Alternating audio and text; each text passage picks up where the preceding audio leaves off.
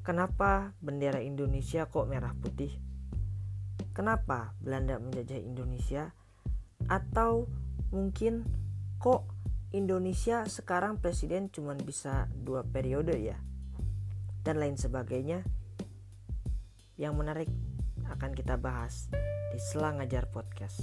Podcast yang dibuat di sela-sela mengajar dan membahas segalanya dengan lebih santai.